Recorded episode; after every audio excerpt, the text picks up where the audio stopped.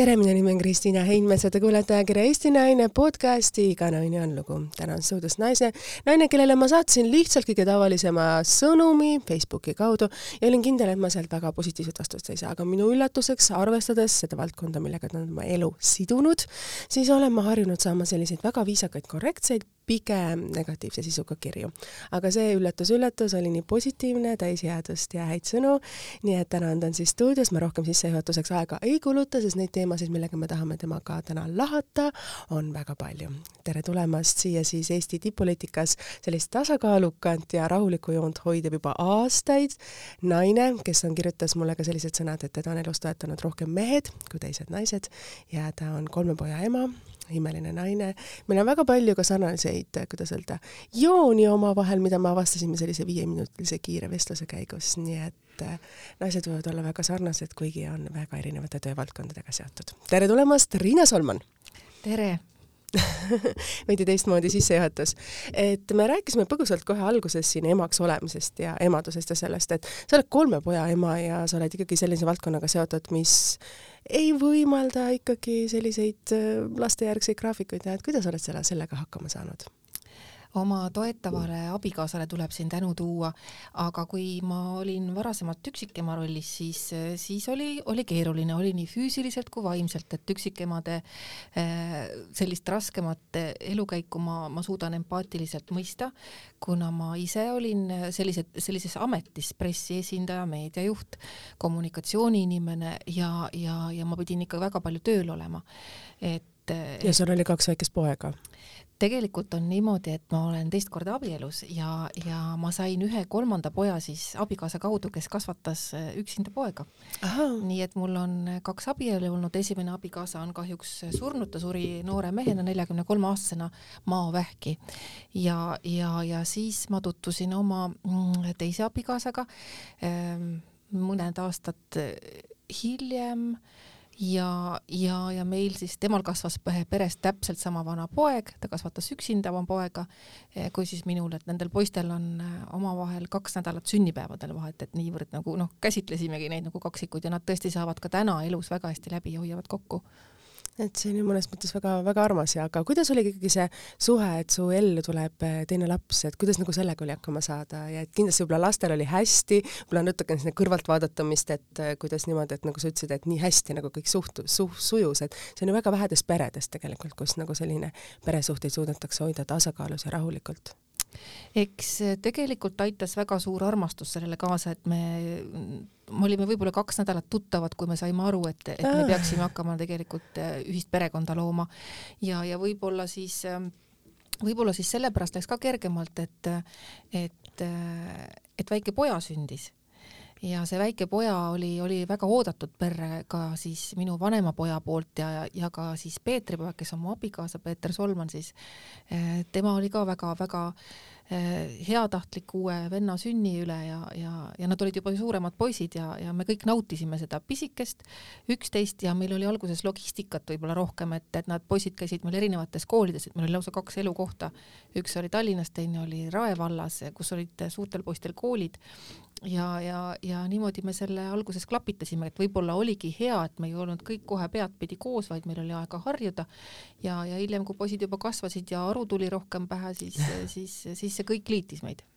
Kui mõelda nüüd äh, üksikemana, sa olid äh, selles mõttes ühe pojaga koos, aga kui sa peaksid olema üksikema kolme lapsega, saaksid sa hakkama veel täistöökoormuse kõrvalt? kindlasti mitte, täistöökoormuse kõrvalt ei ole see asi võimalik, et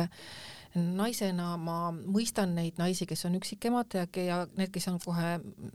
mitmete lastega jäänud üksinda, et see on füüsiliselt raske, see on materiaalselt raske ja see on kindlasti ka moraalselt ja vaimselt raske, et sul ei ole teist inimest, kes sind toetab. Eh, noh, raha on üks asi, aga kindlasti on see, et sa, et sa näed, kuidas su laps kasvab, sa rõõmutad, rõõmustad iga tema saavutuse, iga tema eluetapi üle ja, ja sa pead seda üksinda kogema, et sul ei ole seda kellegiga jagada see on kõige raskem minu arust, need jõulud ja eh, aastavahetused ja perekondlikud sündmused, mis teistel on siis kahe vanemaga kui sina koged seda üksinda ja pead otsima siis näiteks oma sugulaste juurest või vanemate juurest seda perekonda. perekonnad on erinevad, et ega saab igas peretüübis ennast õnnelikuna tunda, ma, ma nii ei, ma nii ei saa päris väita, eks ole, et, et kes on otsustanud teadlikult olla üksikema ja kaasata sinna näiteks oma vanemad või sugulased mm, või leidnud omale teistsuguse lahendi, see on erinev. aga noh, see inimene, kes on jäänud ähm, lihtsalt kaaslaseta ja igatseb omale kaaslast, siis temal, ma arvan, on keeruline see on jah, väga-väga raske ja keeruline just seda just lastele selgeks teha, et miks nüüd on nii ja miks nüüd nii ei ole. aga teinekord on olukordi, kus ei ole võimalik enam koos olla. tõsi, tõsi, et teinekord on olukorrad nii toksilised, see on igas eluvaldkonnas nii, see on karjääris nii, see on ka kodus nii. kui on toksiline olukord, siis see tuleb kindlasti lahendada nii, et, et vähemalt jäävad närvid terveks ja, ja vaimne tervis ei saa kannatada kuidas sellisest olukordadest kõige paremini hakkama saama, et ma tean, et sa oled võtnud hästi palju just sõna ja kirjutanud ka artikleid just nagu selle teemal, et see on nagu sinu selline südamelähedane ja oluline nagu valdkond. noh, ilmselgelt ka need kogemused, mida sa oled naisena pidanud ju siin erinevatel eluetappidel kogema ja oskad nagu seda rääkida ka oma, oma kogemusest, et mis on need, mis on nagu sa oled ise mõistnud, et alati aitavad? Äh, no need olukorrad on äh, loomulikult erinevad, et äh, kas on tegemist leinaga, kas on tegemist lahkuminekuga, kas on tegemist peretüliga, kas on tegemist lausa vägivaldse suhtega on äh, tegemist nagu erilise suhtega. Äh, et igas, iga, iga eluolukord on unikaalne ja ühest retsepti anda ei saa. aga mina olen küll selle pooldaja, et, et kui inimesed üksteisele kahju teevad ja selle all kannatavad lapsed, siis tuleb see lahendada teistmoodi, siis tuleb seda lahendada niimoodi, et inimeste vaimne tervis ja füüsiline tervis äh, on, on tagatud kuidas nagu lastele sellistest asju, asju nagu selgeks teha, et nüüd on nii ja nüüd nagu tuleb edasi minna nagu teistmoodi, et see on kõige valusam tegelikult ka see on individuaalne, et ma usun, et meil on täna juba väga palju koolitatud terapeute, kes aitavad neid asju lahendada, olukordi selgitada. noh, kindlasti on eneseabiõpikud ja igasugused raamatud, aga mina soovitaksin ikkagi äh, psühholoogide, terapeutide abi sellisel juhul või juhendeid siis. Äh, kindlasti tuleb, ähm, kui on keeruline olukord, siis lapsi tuleb sellesse selgitustega kaasata, tuleb selgitada ja, ja lapsed tegelikult on ju teinekord äh, väga arukad, me alahindame lapsi, et nad ei saa aru, arvame, et varjame nende eest võib-olla midagi. aga tegelikult on targem, kui see juba välja paistab ja mure on suur, siis tuleb lapsed, lastele aidata seda selgitada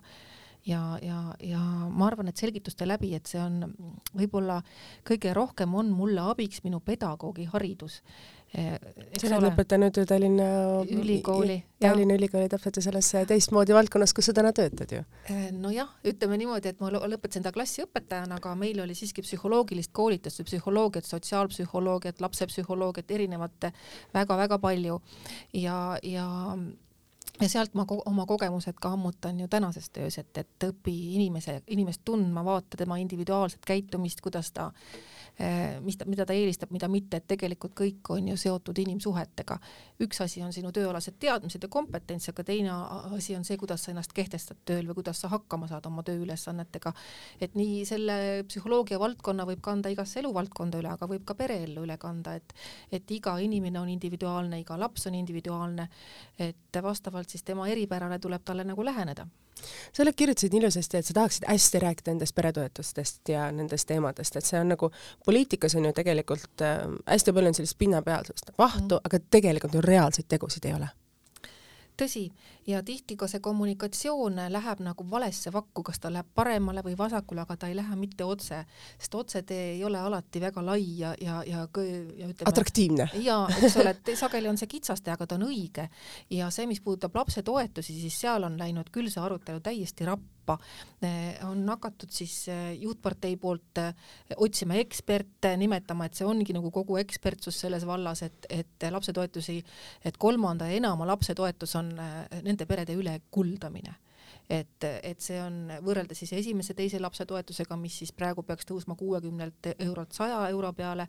ja siis ütleme, et alates kolmandast juba seitsmesaja euro peale, et see on nüüd selle suurpere ülekuldamine. noh, see ei ole üldse niimoodi, et kes, kellel on kolm last ja vaadake, kes räägivad, räägivad need, kellel ei ole kolme last kodus. et tegelikult nad ju ei tea, millest nad ei räägi, räägivad ja, ja nad ka ei süvene sellesse, millest nad räägivad. kui suured on laste kulud ja kui suured olla, võivad olla tegelikult laste erisused, et sellise juriidilise kadalipuga võtta, et nüüd igale lapsele sada eurot, et see on ju ka noh, keeruline. või see arusaam, et, et kui sul on äh, rohkem lapsi, näiteks mm -hmm. on sul mhm. neli-viis, sul on mastaabiefekt, no pane siis ühe või kahe lapse riided neljale selga, pane pudrukaussi kaks tükki viiele lapsele, et ei pane ju no see on ju täpselt, see on, see on noh, ühesõnaga mul ei ole sõnu selle kirjeldamiseks, milliste rumalusteni läheb tegelikult tipp-poliitika teinekord oma asja ajamisel, et saada oma tahtmine, aga mitte tegelikult luua selgust, milline see olukord tegelikult on ja kui me räägime siin kolmest enamast lapsest perekonnas, kas te panete kolm last ühe lapse voodisse? ei pane, teil on kolme voodit vaja, kolme voodipesukomplekti äh, on vaja, kolmesid pidžaamasid eri mõõtudes, eks ole, isegi kui nad on kolmikud on neid vaja kolm või rohkem, kui on rohkem lapsi. no ma olen käinud mm, külas just oma ametiga seonduvalt, kui ma olin rahvastikuminister suurperedel, kus olid, olid, neid, neid peresid ei ole muidugi palju mm, -hmm. aga on juhtumeid, kus on peres viieaastane, kolmeaastane poja ja ema ja isa tahtsid saada eh, ühte last veel, said kolmikud oli korraga viis last ja, ja ema, emakene ei pääse lihtsalt isegi oma hoovialale jalutama, sest et, et et äh, ta ei pääse pisikestega üksinda. Need lapsed on erinevad ja olukorrad on erinevad ja tegelikult ju vaadatakse ka meie Eesti ühiskonnas, kui sul on kolm last või isegi kui sa oled väikeste lastega kodus, väga negatiivselt. mina mm. olen seda isiklikuna naisena kogenud, et ma mäletan mm. seda, et kui ma jäin ühe lapsega koju ja ma olin teise lapsega kodus, sest noh, mina võtsin nagu sellise naisena otsuse, et ma olen iga lapsega kolm aastat kodus ja siis ma vaatan edasi, kuidas, et kui ma juba võtsin otsuse, et ma olen ema, siis ma olen ka päriselt ema, see tähendab seda, et ma tegelen oma lapsega. ja ma mäletan siiamaani neid ikkagi negatiivseid pilke, kus öeldi, et aa, sul on kak-, lap-, lap-, üks laps oli vist poolene ja ta oli vist Pärnus, jalutasime suvel ajal ja teine siis oli juba natuke üle kolme, et oi, mis sa muidu teed, et sa oled ema, mis sa muidu teed? ma ütlesin, et noh, ma olen nagu kodune, et saad aru, et mul on, noh, lapsed olid aasta aega haiged, et ma siin üritan nagu esimest korda väljas olen kahe lapsega võib-olla jalutamas. ei, aga mis sa muidu teed? et sellist suhtumist on tegelikult Eesti ühiskonnas nagu väga palju, et selline nagu edukusele suunatus on, on põhiline ju see on uskumatu, ma ei oleks uskunud, et sa oled seda kogenud tänapäeval, et mina mäletan seda, kui mul esimene poeg sündis, siis kakskümmend kuus aastat tagasi ma töötasin erastamisagentuuris, sain kohe, nii kui lõpetasin Tallinna Ülikooli, pakuti töökohta, et meil on vaja haritud inimesi ja kohe infospetsialisti koha. Ja mulle kõik vanemad kolleegid soovitasid, Riina, nüüd nüüd pane karjääri kuni kolmekümnenda eluaastani, et küll siis jõuad lapsed teha. ja mina olin juba lapseootel ja ma ei julenud kohe kõva häälega öeldagi, et ma olen lapseootel, võib-olla siis ei oleks mulle seda tööpakkumist tehtud. aga, aga see on ju tegelikult samamoodi, et need ju ja... lahtrid on, et sul peab olema üks kindel visioon ja kui sa sealt kaldud kõrvale, siis ei ole õige juba veerand sada aastat tagasi, no kuidas meie ühiskond on ainult selles suunas niimoodi arenenud. Ja veel ma tulin selle pisikese lapse kõrvalt, kui ta oli üheteistkuune tööle, kuna siis ei olnud äh, vanemahüvitist ja tuli leiba teenida. Ja, ja ja ma tahtsin saada pressiesindajaks. mulle nii meeldis, kuidas tulid erastamise agentuuri, Liina Tõnisson oli siis majandusminister, tulid ajakirjanikud äh, mikrofonidega ja ma tahtsin nendega tegeleda, hirmsasti tahtsin ja tulin lapsepuhkuselt ja mõelda, siis oli äh, direktor vahepeal vahetanud, Väino Sarnet oli asendunud äh, teise inimesega, kes ütles, et ei, me rohkem naisterahvaid siin neiukesi ei võta, et, et lapsega ka veel, et me võtame korraliku mehe, maksame korralikku palka. Ja kusjuures võeti korralik mees, maksti korralikku palka, aga noh, ta jaksas seda tööd teha kolm kuud. aga noh, minu elu läks eh, sealt edasi ja ühtäkki ma olin Eesti suurima ettevõtte pressiesindajaga imeliselt ja, aga no see oli veerand sada aastat tagasi, me räägime nüüd tänapäevast, kui ikka veel see suhtumine ei ole muutunud, et kui naine otsustab kodus lapsi kasvatada ja on väga hea, kui naine on haritud. ta ju oskab oma lapsi eh, tänu sellele haridusele ja silmaringile eh, veel paremini võib-olla koolitada, suunata, kasvatada, tulevad järgmised haritud põlvkonnad sealt, eks ole. et seda nagu pannakse pahaks, et see või noh, ühesõnaga vaadatakse justkui nagu, et aga miks ta niimoodi valib, eks ole, et ta peaks ju midagi asjalikku tegema, ta peaks ju silma paistma selle poolt, selle poolest, et ta on mingil alal väga tubli ja silmapaistev ja eriline, eks ole mm aga justkui laste kasvatamine ei oleks töö ja vaev. ei, see ei ole ja. töö, Eesti, Eesti ühiskonnas see kohe kindlasti ei ole töö, ma olen tänaseks kogenud ikka seda väga-väga palju ja seda palju eelarvamusi. see on väga rumal suhtumine, vaadates seda, et eestlaste osakaal tegelikult rahvastikus on kahanev. kui keegi võtaks lahti Statistikaameti lehekülge, leheküljed ja süüviks natuke rahvastikuandmetesse, siis ta näeb, millega me silmitsi seisame. sünnitusikka on jõudnud äh, väiksemad põlvkonnad, tahame või ei taha, nad saavad vähem lapsi tänu sellele, et neid on vähem jah, kahjuks see niimoodi on. sa rääkisid, et peretoetused on Eesti ühiskonnas hästi olulised teemad ja see on nagu sinu südamelähedases, aga palju sa nagu poliitikas ise mõistad, et palju nagu neid naiselikke jooni, mis nagu läbi lähevad, et poliitikat peetakse ju väga meestekeskseks äh, valdkonnaks, et palju sa nagu naisena suudad nende väärtustest seista, mis on nagu sinu jaoks olulised? oi, minu puhul on küll see näide, kus ma olen saanud väga palju just teha seda, mis mul on südamelähedane. E, et äh, tundub küll, et konservatiivne rahvuslik erakond ja no, peaks nagu olema meestekeskne ja, ja eks meil on ka väga palju ju meespoliitikuid, aga nagu sa saate alguses ütlesid, et, et kes mulle on oma erinevatel eluetappidel tegelikult õla alla pannud, just töökarjääris on nad kindlasti olnud meesterahvad. mitte seda, et mul ei oleks sõbrannasid, et minul on ka väga mitmed mulle olulised lähedased äh, nii-öelda siis äh, Äh, naisterahvast sõbrannad, kelle, keda ma usaldan, keda ma julgen usaldada, kes on äh, sada protsenti minu inimesed, et aga ütleme just poliitikas ei oleks ma kindlasti täna eh, nii esiplaanil, kui mul ei oleks nende poliitikatega võimaldatud tegeleda ja, ja, ja selle võimaluse on mulle tegelikult andnud meeskolleegid. kui palju on kahepalgelisust poliitikas, et ta räägib äh, seal, kuidas öelda ähm,, näiteks seal debatil ära mingisuguse teema, ta võitleb selle eest, siis äh, kaamerad lähevad kinni, siis ütleb seal nurga taga, kuule, sorry, et ma niimoodi rääkisin, aga vaata, see on mu poliitiline teema, et äh, tegelikult ma mõtlen midagi muud, oleme ikka sõbrad edasi. palju sa seda kogenud oled? Jah, olen viimasel ajal, aga mulle on kuidagi antud selline heasüdamlik või heausklik eluhoiak, et ma olen kaugel naiivsusest. kui ma selle avastan, eks ole, et keegi püüab mind ära kasutada, et siis ma kindlasti seda enam nagu teha ei lase. et ma lähenen alati inimestele avatud südamega ja, ja siiralt ja tavaliselt nagu arvan, et mulle vastatakse samaga ja üldiselt see nii ongi, aga vahel juhtub, et ei ole. Ja siis ma olen tõesti väga kurb, et ma olen olnud nii-öelda natuke sinisilmne. Ja poliitikas, poliitikud on ju ka tegelikult tavalised inimesed, see on nende amet ja neid võib natukene võrrelda võib-olla noh, kõikide laval professionaalselt tegutsevate artistidega, et, et ta ei ole muidugi niimoodi sellise koolitusega, et kas ta on tantsija, laulja või nii, aga ta tegelikult kindlasti omandab elu jooksul teatavad vilumused või teatavad, teatavad oskused, mida rakendada siis oma sellise auditooriumi ees ja, ja, ja ma ei ütleks, et see on ebasiiras. noh, kindlasti võib olla see on mõnes mõttes roll, rollimäng. ta on rollimäng ja ta on ikkagi kokku lepitud poliitikat, sest et sa ei saa üksinda poliitikas mitte midagi ära teha, mina ei saaks perepoliitikas mitte midagi ära teha. Ja minu õnneks ma olen erakonnas, kus kolmkümmend aastat tagasi hakati juba äh, rääkima ja ka programmilised seisukohad kolmkümmend aastat tagasi Isamaa programmi sellises teatmikus kenasti suurperede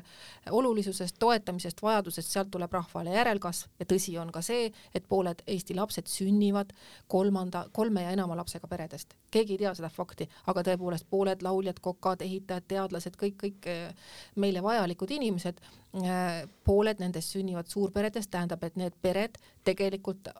oma ressurssi, aega, kõike hoolt ja armastust panevad siis äh, meie rahva järelkasvu rohkem kui need, kes äh, nii ei toimi. mitte et need teised sellepärast nagu halvemad oleks, aga need on valikud. siis kui me ühtede valikuid nagu peame mõistlikeks, vaat kui tark, et näed, ei sünnita enne kolmekümnendat ja üleüldse, vot, vot kui rumal, et näed, läheb lastega koduseks, et siis on täiesti ülekohtune ja vale. ei ole õiget tegelikult... teed, ei ole õiget teed, on inimese enda isiklik valik, olenemata, mis see on, see ongi selle inimese jaoks õige. ja mõtle, kui me paneme lapsed lasteaeda või ja. kooli, siis me tunnustame neid lasteaiaõpetajaid, kooliõpetajaid, kui raske töö, vot siis me saame aru, aga kui lapsevanem teeb kodus sedasama tööd, siis see on nagu tühi-tähi, see ei ole nagu mitte midagi. ei ole nii, see on väga oluline töö, et me kasvaksime, kasvataksime ju järeltulevat põlve ja kasvataksime head kodanikud ja iga pere otsus ja reeglid ja kokkulepped on ju teistmoodi. Ja, ja, ja kui me tuleme tagasi selle peretoetuse teema juurde, eks ole, et, et kui me räägime sellest, mis siis tegelikult lapste, las-, lapse peale kulub, et esimene löök oli mulle siis, kui ma kuulsin elatisabi vähendamisest peredele, no ma ei saanud aru, kuidas on võimalik sellist kalk-, noh, on alati võimalik teatud kalkulatsioone teha, teatud kriteeriumi ja benchmark'e või neid mõõdikuid panna, aga noh, rääkida, et, et piisab saja seitsmekümnest eurost ühe lapse üleskasvatamiseks, noh, et teine pool peab ju ka panema, aga kui see teine pool kasvatab juhtumisi kolme last kodus, et, et see, see raha ei ole eriti suur. kui me teame seda, et noh, riided sa lähed, ostad tegelikult võib-olla tõesti siis second-hand'ist, aga sa ei osta äh, huviringe. kuidas teha seda balanssi, sa just väga hästi tõid nagu välja, et meil on näiteks, kui tegelikult pered lähevad ju lahku, meil on üks pool, kes on võib-olla väga edukas ja teine pool on ju nagu näiteks, kellel ei ole võib-olla nii palju sissetulekuid, et kuidas nagu seda võrdsuse teemat siis seal kohtus nagu tegelikult ju lahendada, et mõlemad vanemad peavad panustama ühtemoodi, sa just seda ise seda mainisid. Need on keerulised olukorrad, et, et kui me räägime kärgperedest, siis, siis tõesti just kolme ja enama lapse puhul tulebki ju see peretoetus kohe kõneks, et seda tuleb just hakata jagama ja kui nüüd järgmises peres on ka veel lapsed, noh, minu poole pöördus üks, üks isa, kes oli nagu õnnetu, et, et tal on ühes peres palju lapsi ja nüüd on jälle lapsed, et kuidas, kuidas siis seda jagada, et, et et no ma ütlen seal puhul alati, et ega senti ei ole mõtet pooleks saagida, tähtsad on suhted, et, et oleksid head suhted ja, ja ma siin loodan tõesti siis äh, nendele juhtumi korraldajatele, kes aitavad siis omavalitsuse kaudu äh, inimestel need probleemid äh, niimoodi lahendada, et, et äh, lapsed jäävad terveks ja vanemate suhted jäävad ka terveks, et see vanemate omavaheline läbisaamine on lastele kõige olulisem. ja, ja, ja võib-olla kui need lastetoetused oleksid suuremad, siis on ka neid olukordi palju kergem lahendada, sest seda, mida jagada, on palju rohkem.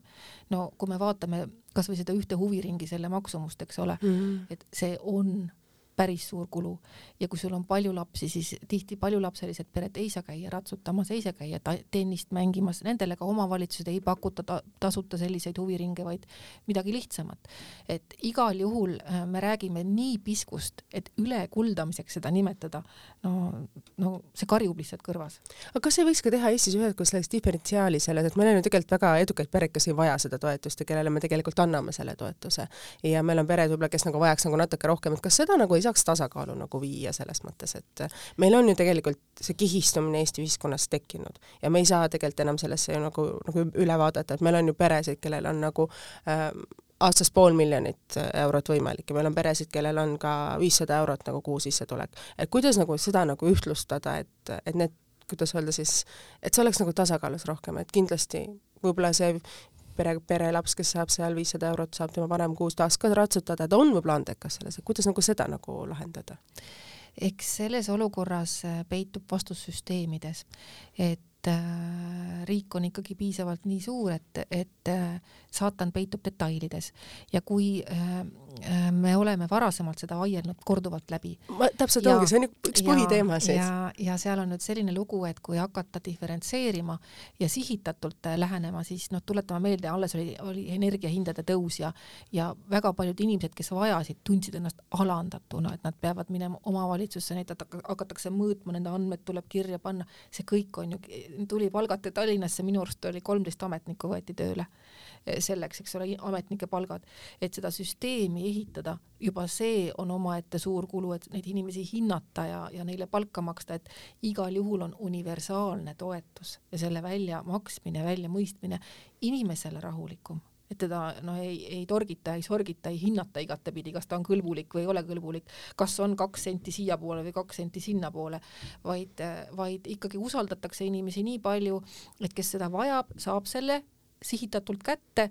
läbi universaalse toetuse ja kes ei vaja, see võib ju selle tegelikult loovutada ka kellelegi, et või, või, või, või siis ära öelda sellest, et tegelikult on ju tegemist lapsetoetusega, et see on mõeldud lapsele, mitte täiskasvanule. Ja kui me laste kulutusi vaatame või laste asjugi või, või, või võimalusi, mis on lastele, siis eh, need ei ole nii odavad, et me selle ühe väikse lapsetoetuse eest midagi üldse grandioosset võimaldada saaksime sa nii kenasti ilusti räägid, aga lähme tagasi sinu lapsepõlve. sa kasvasid üles Viljandis, käisid Viljandis koolis, see on ju täiesti teine valdkond, see on ju imeline linnakene Lõuna-Eestis, kui palju on seal ju sellist nagu soojust ja kokkuhoidmist ja nii palju, kui ma olen sinna sattunud ja Tallinn on ju nagu selline külm ja karge ikkagi. No ja ma just üks päev äh, mõtlesin selle peale, et miks mina ei ole tagasi soovinud Viljandisse elama minna.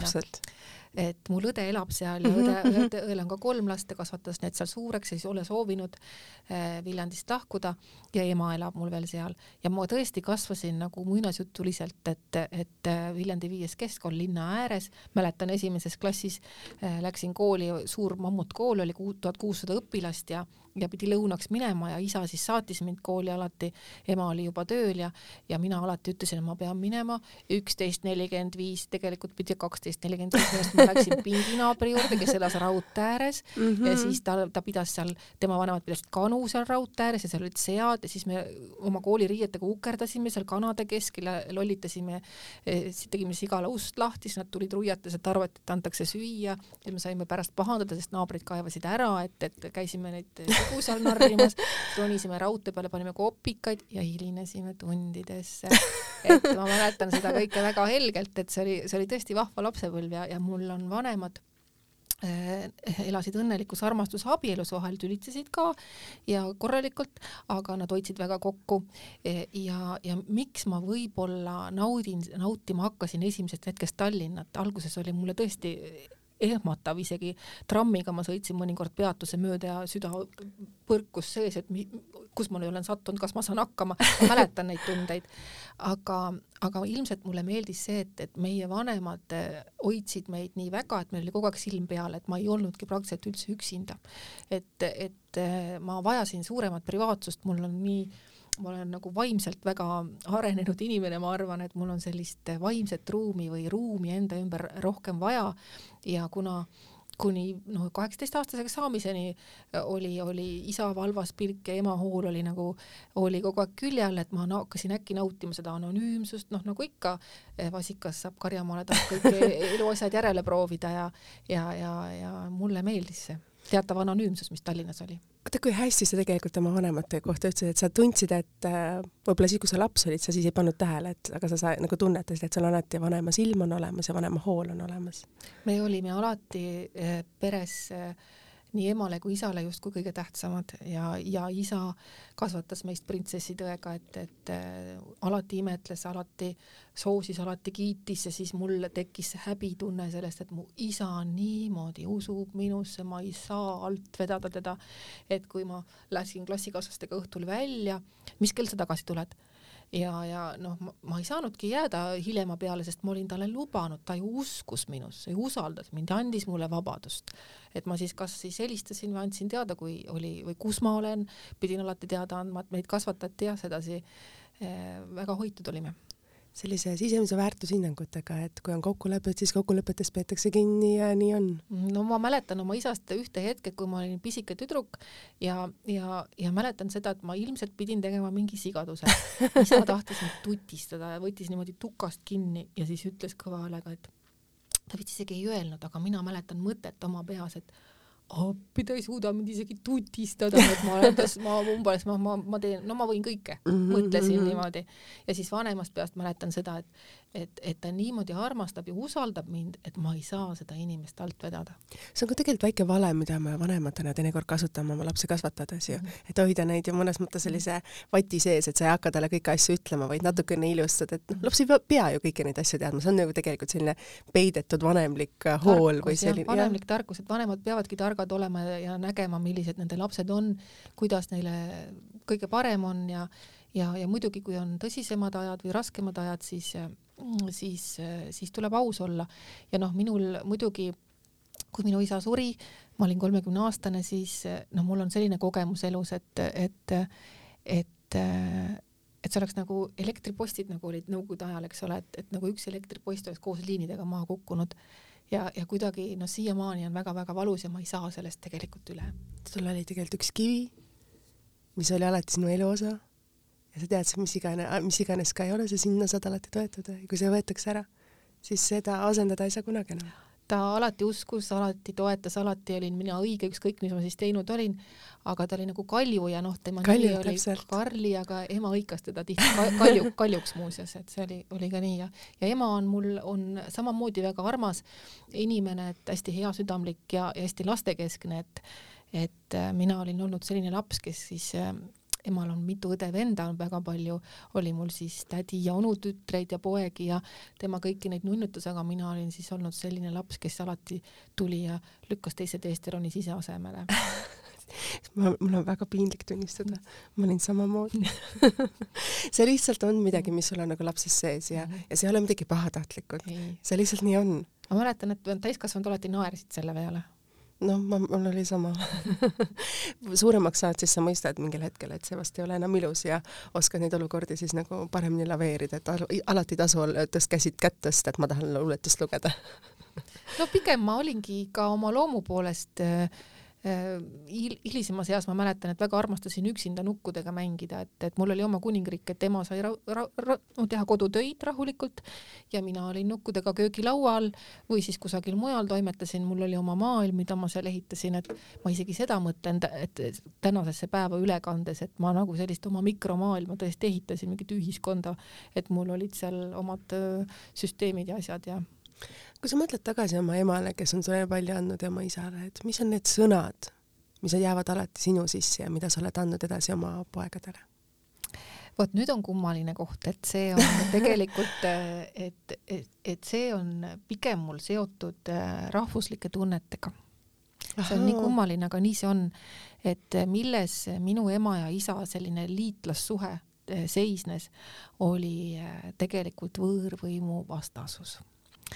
ja nad Teil on ju Ungari Soome juured ja Täpselt. kindlasti see sugulased või keegi olid seal Soomes, siis see connect, kuidas mitte connections, vaid siis see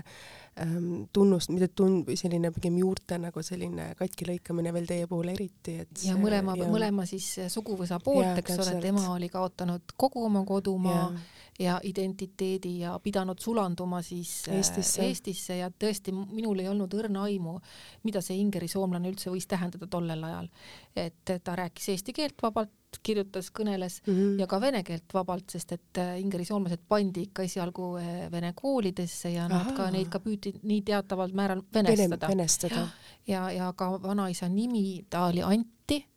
pandi passi siis talle Andrei näiteks, et selliseid asju oli mm. -hmm. ja aga kuna Viljandi oli nii rahvuslikult meelestatud mm -hmm. ja seal oli rohkem mhm. eestlaste keskkond, siis seal isegi ei olnud kahtlust, kuhu poole siis, siis ingerisoomlased hoidsid ja kes neid siis ka aitasid võib-olla sõjapõgenikena, kui nad siia sattusid, nemad olid mhm, sellised mhm. sõjapõgenikud, et mu ema lausa sündis Soomes. perekond viidi äh, Ingerimaalt okupatsiooni eest siis läbi Klooga Soome, ema sündis Soomes ja siis teise maailmasõja lõpus nõudis siis Nõukogude võim selle rahva tagasi kõike, et ja nad, need pillutati niimoodi ja paljud sattusid Eestisse täitsa juhuslikult, ema peres oli vanem õde jäänud tööle, ta oli juba siis kuueteistaastane ja siis mm -hmm. pere tuli Venemaalt järgi ja, ja isa puhul siis oli see, et, et, et minu vanaisa sõdis siis okupatsiooni eh, vastu, ta oli siis äh, sidepataljonis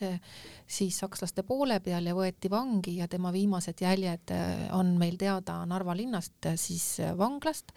kus neid viidi vangilaagrisse Siberi suunal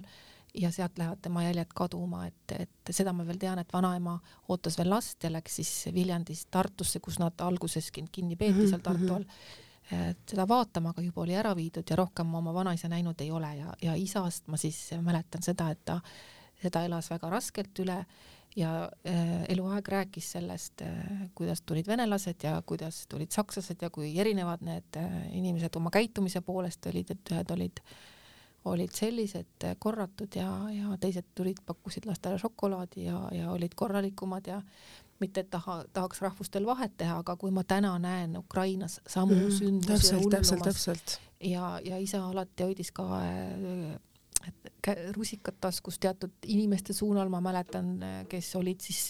tööd, töötanud siis omal ajal kas NKVD-s, need olid ju tegelikult ühiskonnas äratuntavad küll teistes linnades, aga see kõmu levis, kes olid siis Eesti naisi vägistanud või noh, olid teada, et ma mäletan seda kõike lapsepõlvest. Ja siis, kui meil oma poisid olid väiksed õega, siis äh, mina tegin siis palju tööd juba pressiesindajana Eesti Energias, kui ta võttis siis poisid käe kõrvale ja läks poodi ja ostis limonaadi ja tee peal siis ka andis kõik oma mälestused neile edasi, et see rahvuslik suhtumine, et kuidas me peaksime käituma, hoiduma, targad olema Eesti rahvana on mulle kodust kaasa antud. see ongi see vot kodune haridus või ütleme, see kodune haritus, mis on ridade vahele kirjutatud, mida me lastena võib-olla ei mõista, kui me saame suuremaks, siis oskame seda hinnata. ja vot ema-isa andsid mulle millegipärast just sellise pagasi kaasa kui me mõtleme nüüd tagasi sinu sellisele Viljandi mõnusale idüllilisele elule ja siis järsku Tallinna Ülikool, pedagoogika. kas sul oli mingisugune varem juba selline, kuidas öelda, mõte või idee, et minust, ma tahan saada õpetajaks? ega väga ei olnud, mina kuulusin sellesse põlvkonda, kus siis eh, tuli minna õppima et, et kuna su vanemad olid nii palju pingutanud mm -hmm. ja olid ise nii palju pingutanud, siis oli selge, et vot nüüd tuleb minna kuhugi õppima, et kui sa õppima ei lähe, siis sa petad oma, oma, oma inimesi, kes on sinusse nii uskunud, noh, minu puhul lausa terve suguvõsa, nii see Ingeri-Soome pool kui teine pool, kõik ikkagi meile plaksutasid õega ja ma ikka pidin minema kuhugi õppima. edukas, sa pead olema elus edukas, ise hakkama saama, sest noh, ilmselgelt olid ka sina tollel ajal olukorras, et sa pead ise hakkama saama, sa ei saa loota, et keegi sinu eest midagi teeb seda küll, äh, aga ma just mäletan seda hetke, et, et, et, et et see tähendas midagi paremat, et kui ikkagi kõrgharidus on lapsel, et siis on ikkagi parem, eks ole, et, et, et ühiskonnas ikkagi maksid sellised väärtused tollel hetkel. Ja mina kindlasti kutseharidust ega, ega siis sellist ähm, ähm, ükskõik mis haridust ma ei alahinda, iga oskustööline on tegelikult äh, ühiskonnal, ühiskonnale vajalik ja omal kohal ja kõiki tuleb hinnata, kõiki tuleb väärtustada. aga ma tegelikult hoopiski tahtsin esialgu minna õppima Tartusse farmaatsiat ja mul oli tõesti huvi rohtude segamise vastu ja ma uurisin neid ravimtaimi omal käel, aga kõige naljakam on see, et võib-olla veel kolm aastat varem siis ma, kui ma põhikooli lõpetasin, mul oli hoopis teine visioon, ma tahtsin saada ehetekunstnikuks ja ma joonistasin kavandeid, kavandeid, ilusaid väikseid roose, lilli tegin, sõrmuseid, kõrvarõngaid joonistasin, kujutasin ette, kuidas ma hakkan metallist neid kunagi voolima. Et nad väga kummaliselt äh, ühte ja teise äärmusesse minevad valikud ja kui see valiku tegemise aeg oli siis käes, siis ma tegelikult tegin üsna pragmaatilise valiku, vaatasin, et Eh, noh, loomulikult sõbrannadega ja, ja klassikaaslastega, kellega me hoidsime väga kokku, et üks kamp läks Tartu, üks läks Tallinna ja üks läks eh, pedagoogikaülikooli, üks läks tehnikaülikooli, et kus mulle tundus, et, et no me, me seda asja arutasime koos, see valik kuidagi oli selline kampas langetatud. Ma isegi ei oska seda muud moodi iseloomustada, mõtlesid oma väikese peakesega, oma väikese silmaringiga, et kus ma läbi löön, mis võiks nagu olla õige, kus mis võiks sobida mulle, ma peaks ütlema, et see ei olnud nii väga teadlik et ta oli kuidagi minek, millegiga kaasaminek. kui sa nüüd Tallinnasse sattusid, mis oli esimene asi, mida sa mäletad siia jõudes, et kui oli, mis olid võib-olla need raskused või mis nagu väga meeldis? et noh, noorena ilmselgelt, nagu sa alles mainisid, vasikana karjamaal ringi joosta on ju väga tore, aga siis tuleb ka aru saada, et katus oma pea kohale saada no nii oli. esimesena on mul ikkagi meelde jäänud sisseastumiseksamid, mida ma sooritasin hiilgavalt, et ma olingi üks, kes oli esimeste seas, kes siis selle koha pälvis, meil oli ka väga kõrge konkurss, omal ajal oli samamoodi, klassiõpetajaid võeti siis äh, minul, minu mäletamist mööda oli üheksa tükki ühe koha peale. Ja ma mäletan, et need eksamid ei olnud mulle rasked, et see oli mulle kõige kummalisem, et, et, et oma koolis olid eksamid rasked. Alati õpetajatega, nagu mäletad, et pidid puid ja maidki jagama aga siin oli kuidagi hoopis teise, teised mõõdupuud, hoopis teisi asju justkui hinnati.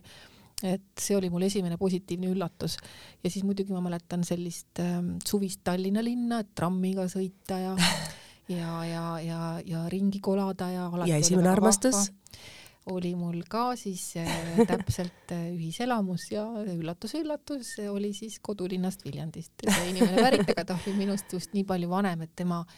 oli juba ülikooli lõpetamas mm -hmm. ja, ja tegi tööd ja õppis siis andragoogikat äh, seal Ülo Vooglaiu kursusel Lasnamäe majas, et, et selline ilusate lokkidega pikk sirge noormees ja ja ilusad mälestused ju tegelikult, mhm. et me oleme vaata sellises vanuses, kus meil on natukene nagu minevikku, natukene on juba elatud, nii palju on veel tegelikult ju ära teha, et nagu sellised mingid asjad, mis jäävad nagu sulle rohkem hinge ja südamesse kui mõned teised. ja no ma mäletan ka seda, et, et ülikoolis äh, oli ju erinevad äh, erialad olid koos suures majas ja, ja, ja see oli naljakas, et, et, et neid õpetajaid kuidagi hinnati, ma, see oli mulle nagu üllatus, et ei hinnatud näiteks kehakultuuri õppijaid, öeldi, et läbi nalja, et, et keha on nagu kultuuri ei ole. seda ma mäletan, et kuidagi neid õpetajaid peeti kuidagi tublimateks, ma ei ütleks, et ma kuidagi tublim olin, aga millegipärast see nii oli. Ja muidugi eks, eks me oli, olime ka leidlikud, et see õppekava oli tihe esimesel kolmel aastal. Ja ega me lasime ka üle teatud asju ja teatud, teatud eksamitel ma läksin puhta õppimata ja, ja, ja tegin ja need kogemused, et kuidas siis ka veel edukalt läbi teha, et need tegelikult ma, ma peaks ütlema, et nende teadmiste kõrval on oluline just see, kuidas hakkama saada või kuidas asjad toimivad, et see on nüüd kõrghariduse puhul võib-olla kõige olulisem asi, et kui sa ei proovi, ei leiuta, ei oska nagu grupis käituda, et need oskused tulevadki tegelikult ülikoolist kaasa ongi see, et sa õpid nagu inimestega suhtlema, inimsuhteid hoidma ja olenemata olukord, sa pead ise leidma lahenduse. no näiteks meie leidsime selliseid lahendusi, et siis veel ju me ei kasutanud, meil oli küll arvutikursused olid juba, aeg oli jõudnud sinnamaale mm, -hmm. aga me tegime ikkagi oma töid äh, paberil mm -hmm, ja mm, -hmm. ja, ja köitsime neid ja, ja, ja meil oli üks filosoofiakursus, kus, kus siis Eh, eelmise kursuse õpilased pärandasid oma, oma siis äh, suured arvutud äh,? ei, arve, oma arvestatud, arvestuseks äh, minevad tööd järgmisele kursusele, kus siis pandi uued kaaned ümber ja, ja läks läbi. et sellist, sellist korruptiivset asja ma mäletan ka oma, oma ülikooli elust, et, et, et sellist asja tuli ette, aga see oli väga harv juhus, et tegelikult siis ma peaksin ütlema küll just, et, tänu siis naisõppejõududele, kes olid, olid nõudlikud saime me päris hea pagasi. kas sa mõtled nüüd oma nendele kahekümnendatele, et sa kasvad nagu naisena ja arened nagu naisena ja katsetad erinevaid asju ja tegelikult sinu jaoks on ikkagi väga raske olnud see olukord, et nagu sa mainisid, et isa sul lahkus, aga sul lahkus ka abikaasa. kuidas on nagu selle leinaga võimalik nagu naisena selles mõttes nagu toime tulla ja mis on võib-olla need asjad, mis sina nagu tollel hetkel iseenda jaoks avastasid, mis on nagu sinu tugevus või sinu jaoks oluline naisena, sest noh, see on nagu keeruline hetk et tegelikult äh, no need on teemad, vaata tegelikult, kus me nagu teeme sellise teekonna nagu naisena edasi-tagasi läbi. Ja on ju mingid asjad, mis on teinekord nagu on ju, no me peame ennast hakkama otsast peale võib-olla ütleme üles ehitama. Mm -hmm. ja kui sina oled võib-olla olnud nendes negatiivsemates või sellistes mõõnaperioodides oma elus, et mis on need asjad, mida sa naisena oled nagu leiutanud, et noh, näiteks minul on ka läinud tänaseks nüüd mitu aastat selleks, et ennast üles ehitada, et seista täpselt siin, kus ma olen, või kasvõi see, kui ma läksin kasvõi tööd paluma, et jah, ma soovin tööd teha, siis öeldi, et oi, aga sul on ju rikas mees, et miks sa pead tööl käima, et aga teha inimestele selgeks, et jah, ma tahan teha tööd, ma soovin teha tööd, siis noh, need, kes saatsid mind ikka ära niimoodi, et ole mureta, ole mureta, sa ei pea tööd tegema, kasvata rahulikult lapsi, et see ikkagi läks, võttis mul väga pikalt aega, nii et noh, tänaseks ma olen väga tänulik näiteks Ajakirja Eesti peale peatoimetajale, kellele ma ütlesin, et palun anna mulle tööd ja ta andis mulle selle võimaluse, sest muidu meil tänast podcast'i ei oleks. see on väga äge podcast. et, et, et tegelikult selliseid hetki, kus me nagu vajame naisena võib-olla selle ühte head sõna või sellist nagu toetust, et edasi minna, et et kui sina oled olnud sellistes hetkedes võib-olla oma elus, et mis on nagu noh, need asjad, mida sa oled ise avastanud, et noh, minu jaoks on just see, et su kõrval on inimesed ja kasvõi täiesti võõras inimene ütleb sulle selle hea sõna või annab sulle selle toe, mida sa tahad ja sinu jaoks võib-olla inimesed, kes on olnud kõige lähedasemad, kellele sa oled kogu võib-olla oma elu üles ehitanud, et on see Kalju, aga teda ei ole enam ja pigem on ta siis see, kes on neid vikatega jalgu alt ära tõmbab. siin ma toon küll mängu sellise mm, metatasandi ütleme niimoodi, et tegelikult äh, on Oleviste kirik olnud mul ju sisuliselt teine kodu või teine selline äh, vaba aja veetmise koht mingil perioodil. sa oled teinud palju vaata tööd ja sellest oled ja, ka kirjutanud ja, ja rääkinud väga ja. palju oma hea, hea, heatahtlikust tööst. ja see hakkaski mul siis võib-olla selle esimese leinaga, kui isa suri eh, pihta, et, et eh, täpselt samal ajal, kui isa suri, me tegime kohe esimese kodutute kodutute eh, jõululõuna ja ma, see tuli mul südamest, inimväärsed jõulud kodututele, et kuidagi, et et, et ma mäletan seda isa lahkumist nii valusalt ja panin nagu selle valu siis sellesse tegevusse ja, ja, ja, ja kirik on ähm, olnud minu elus peale seda alati tähtsal kohal, kui ka esimene abikaasa suri. me olime temaga tegelikult tahku läinud, aga kui see surm või see haigus, see raske haigus, vähihaigus tegi meid väga lähedasteks ja me saime kõik oma, oma jutud räägitud äh, oma äh, mured ära räägitud ja, ja, ja ma sain selle äh, ma nagu, ma ütleks, ma kandsin nagu seljakotti mm -hmm. ja ma olin selle seljakoti läbi töötanud, sain selle seljakoti ära anda, kui ta lahkus. ja loomulikult oli kirik väga suureks vaimseks toeks. ta ise tuli kirikusse, sest kuhu inimene, meesterahvas ikka läheb, kui on ainult neli seina ümberringi ja ainult väike auk valgust, et, et, et ta tuli ka otsima abi. aga sellise haiguse puhul, see on nii raske haigus, abi sageli enam ei ole ja, ja sellepärast ka see Oleviste kirik on mulle kallis, et ta on olnud rasketel hetkedel on need inimesed osanud armastada, hoolida, toeks olla, aidata. Ka vähihaiget äh, esimest abikaasat aidati seal väga palju ja noh, ütleme noor inimene, kui ta sureb, ta ju tegelikult kardab, ta küsib, miks, eks ole, et mida ma olen teinud, miks mind niimoodi karistatakse. aga vähk on lihtsalt üks väga raske haigus, et see ei ole äh, kindlasti karistus, vaid äh, ma loodan siiralt, et Toivo Tänavsuu ja kõik teised, kes täna meditsiiniga tegelevad, ühel päeval inimestele appi lähevad, et kõik need keemiaravid, mis nii hirmsasti organismiga lõhuvad ja, ja laastavad, et, et, et see ravi saaks ka ühel päeval kergem olema. et, et ma siis vastan sinu küsimusele nii pikalt, aga noh, see on tegelikult siis eh, kirik oma kogudusega, oma sõpradega, armastavate inimestega on olnud alati minu kõrval. See on väga ilus vastus selles mõttes ja väga julge vastus, sest väga vähesed inimesed julgevad öelda, et kirik on minu jaoks oluline ja kirik on see, kus ma saan abi ja kirik on see, kuhu ma pöördun, et need on sõnad, mida võib-olla samamoodi täna ühiskonnas me väga palju ei kuule jah, seda häbenetakse ja see on muuseas okupatsiooniaja taak, et võtame nüüd tagasi, võtame need viiskümmend aastat ära, siis tegelikult eh, kui olid rahvaloendused või inimesed andsid teada, eh, kuhu nad kuuluvad, kuhu nad ei kuulu, siis üheksakümmend kolm protsenti oli kindlasti, kui mitte rohkem, nimetasid julgelt ennast kristlaseks. ja nüüd, eks ole, kui tuli Nõukogude võim, siis tema peamine mm, siis võitlusobjekt olid, olid usklikud, sest usklikel on oma põhiväärtused, nad ei anna alla, nad ei vannu alla. väga paljud kirikujuhid eh, nagu läksid ka märtri surma koos inimestega, et nendest, noh, kes sellesse veidike süveneb, näeb seda ajalugu Eh, just kirikuperekondi kiusati taga, küüditati, represseeriti, nende lastele ei antud võimalusi eh, koolides edeneda või pandi käsi ette, et ei tohtinud kas arstiks õppida või kellekski õppida, et seda, seda tagakiusu oli, oli just usklikkonna suhtes väga palju, pluss siis veel ütleme sellist äh, demoraliseerimist ja siis ka demoniseerimist, et, et usklik on tingimata selline musta riietatud, imelik, nurgas koogutav, palvetav inimene, et tegelikult usklik on sageli palju elurõõmsam, palju elutervem, sest ta elab oma elu natukene veidi kitsamate valikute rubriigis, kus siis noh, ütleme, miks inimesed võib-olla ka väga palju südamevalu peavad kannatama, on ka tihti nende enda valikute tulemus, et kui sa, sa võid tõesti elus teha kõike, aga kõik ei tule kasuks. et, et ega mina oma elus ei kahetse mitte midagi, ma olen kogenud, ma olen armastanud, mul on, on täna väga eh, armas abikaasa, väga tore perekond, toetav ämm ja äi, et et et, äh,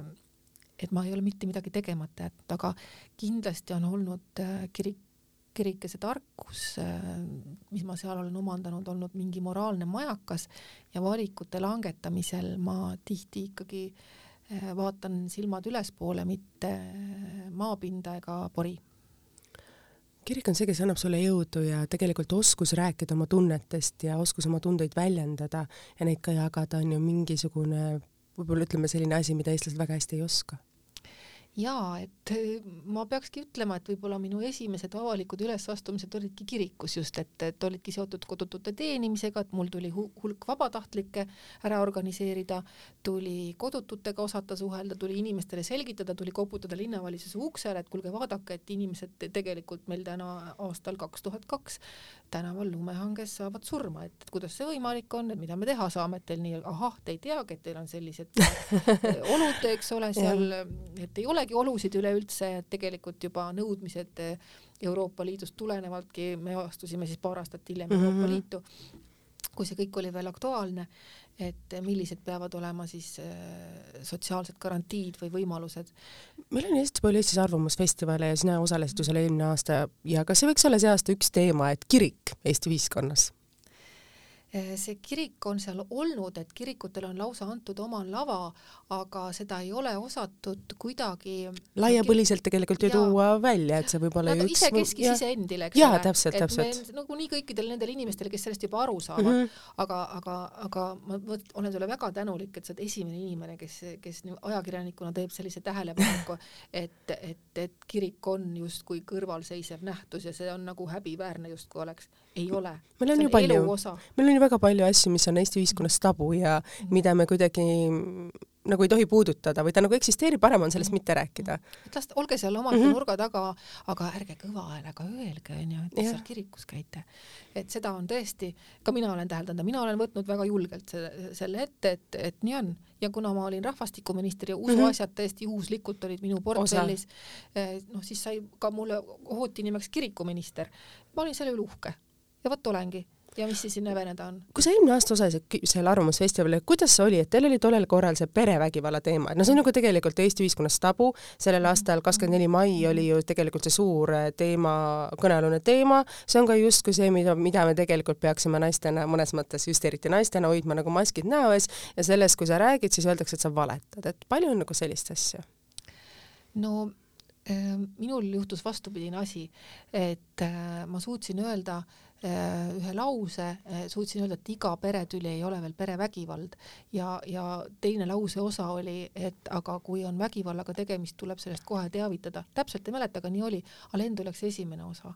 et sellest sai, sai väga suure skandaali puhuda, mind sai kahtlustada, et ma veel umbes siin äh, noh, leiti siuke mhm. kuri kiriku konservatiiv, kes umbes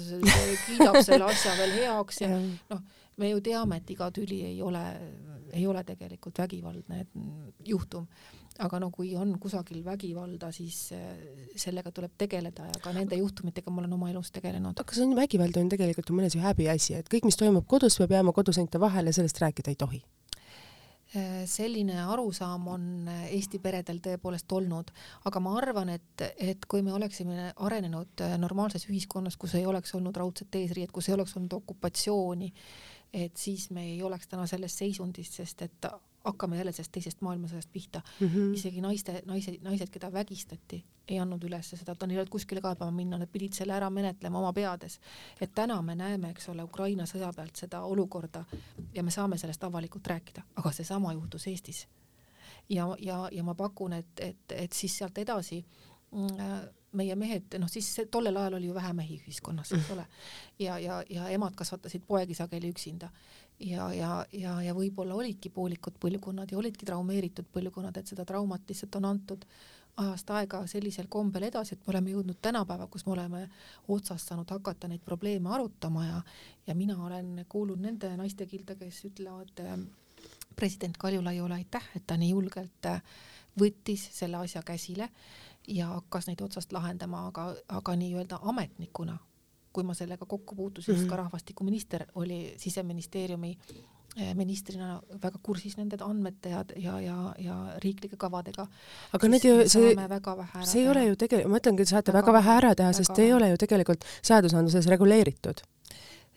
ta on äh, Olematut. direktiivi tasandil. aga see on olematu, see tegelikult ju ei kehti kuskil, et kui me võtame kõrvades riikides, siis see on reglementeeritud, seal on väga palju erinevaid valdkondi, mis, mis käib ju selle perevägivalla alla. Ja need on igal pool teistes riikides juba seadustatud, et kui need olukorrad on, siis sa saad ka abi. Nüüd ongi nii, et tegelikult mina ütleks, et abi andmisel ja kohaletulekul, et selles osas me võib-olla enam nii palju muretsema ei peaks kindlasti tuleks sellele valdkonnale anda ressursse juurde. lausa peaks olema nagu eraldi üksus, kes siis oskab ja on koolitatud mõlema osapoolega tegelema. et praegu minu, minu teada läheb tavaline patrull, et on olnud Pärnus pilootprojekte, kus on selleks erikoolituse saanud patrullid, kui on perevägivalla juhtum, lähevad siis selleks spetsiaalselt koolituse saanud isikud kohale. aga mis mind paneb hoopis rohkem muretsema, ma olen mõelnud nende ohvrite peale, et äh, et eh, jah, see vägivaldur võetakse kinni, eh, ta eemaldatakse, nüüd on, eks ole, niimoodi, et, et naine saab oma koju jääda, et varem ju viidi naine lastega varjupaika eest ära. aga kui see vägivaldur tuleb välja, et, et just need mehhanismid, et kui ta terroriseerib jätkuvalt, eriti kui on tegemist noh, kõik vägivaldurid ei ole ju ma, kuidas ma seda nüüd ilusasti sõnastan, et minust õieti mõistetakse. Nad ei paista välja vägivallatsejatena, vaid nad on lipsustatud ilusates ülikondades. jah, jah, et, et kuidas me kaitseme seda naist, kui see üks akt on toimunud ja, ja, ja tegelikult ta jääb oma lastega ikkagi üksi, et tal on see ohvriabi number, tal on võib-olla mingisugune süsteem, et kiiresti teavitada, aga sisuliselt, sisuliselt on minul nende naiste pärast mure aga meil on tänane saade hakkab lõppema, me ei saa seda muret siin täna lahendada. ainuke, mida me saame teha, see, et me hoiame naistena kokku. Et sellised suurepärased naised nagu sina tulete siia saatesse ja me räägime teemadel, mis on tabu, nagu on kirik, võib-olla ka need teemad, mis on meil naise jaoks olulised, ja seda, et me julgeme öelda, et ma olin lapsena see laps, kes lükkas teise teist ära ja astus ise asemele. Kristiina, aitäh sulle, et sa sellesse suurepärasesse saateformaati mind kutsusid, mul on see esimene kogemus selline ja nii positiivne, aitäh selle eest ja kuulajatele ka kõigile palju jõudu, kõigile naistele, et leidke omale need oma päris, päris sõbrannad, kes teid elus toetavad Täpselt. ja, ja need, need meesterahvad ka oma kõrvale, kes teid elus tegelikult toetavad ja ärge kartke, ähm, sa võid kohtuda inimesega viis minutit või ütleme, et tund aega ja viis minutit tagasi ja tundub, et me kuidagi satume nii ühele lainele, et nii et ma arvan, Riina, me lähme kindlasti veel tassile kohvile teeme seda, palun aitäh sulle, aitäh teile, kallid kuulajad, et olite selle tunnikese meiega, kohtume teiega juba taas nädala pärast uute teemade, uute asjadega ja saade on ikka ja alati kuulatav Spotify's, tasku Delfi keskkonnas ja SoundCloudis. kaunist suve teile!